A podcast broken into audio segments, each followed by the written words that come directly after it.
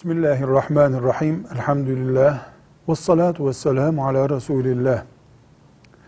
İstihare, sünnet, Peygamber sallallahu aleyhi ve sellemin bize öğrettiği işlerden biridir.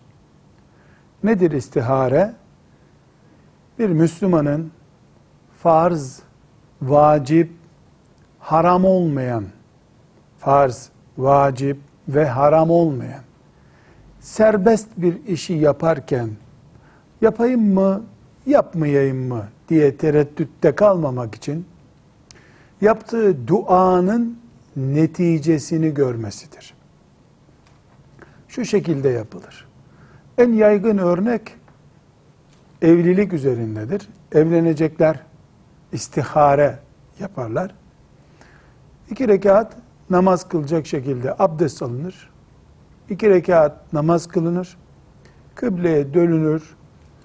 Ya Rabbi ben şu işi yapmak istiyorum şeklinde dua yapılır. Nasıl dua yapıyorsa hamd ederek, salavat getirerek, bildiği duaları okuyarak veya istihare için bir dua vardır. Becerebiliyorsa onu okuyarak ama bu şart değil.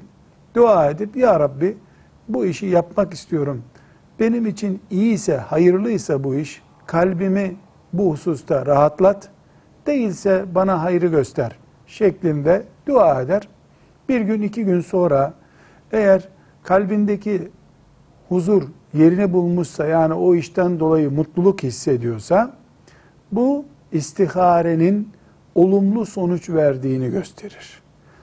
O duadan bir gün iki gün sonra bir sıkıntı kalbini basıyorsa, şüpheler oluştuysa istihare olumsuz oldu demektir.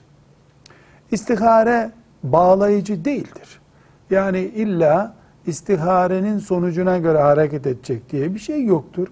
Çünkü bizim takvamız, bizim Müslümanlığımız öyle her şeyin kalbimize inmesini sağlayacak nitelikte olmayabilir.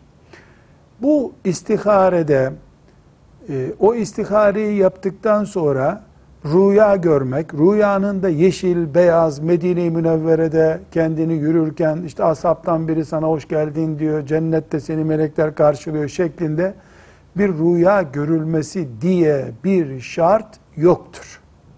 Rüya en yakın kalp genişliği ihtimali diye insanlar tarafından ilave edilmiştir. Bu çok önemlidir. Rüya şartı istiharede yoktur. Kalp ne diyor ona bekmek vardır. Kalbinde bu işi huzurlu gördüğünü, rahatladığını hisseden istiharesini olumlu kabul edebilir. Velhamdülillahi Rabbil Alemin.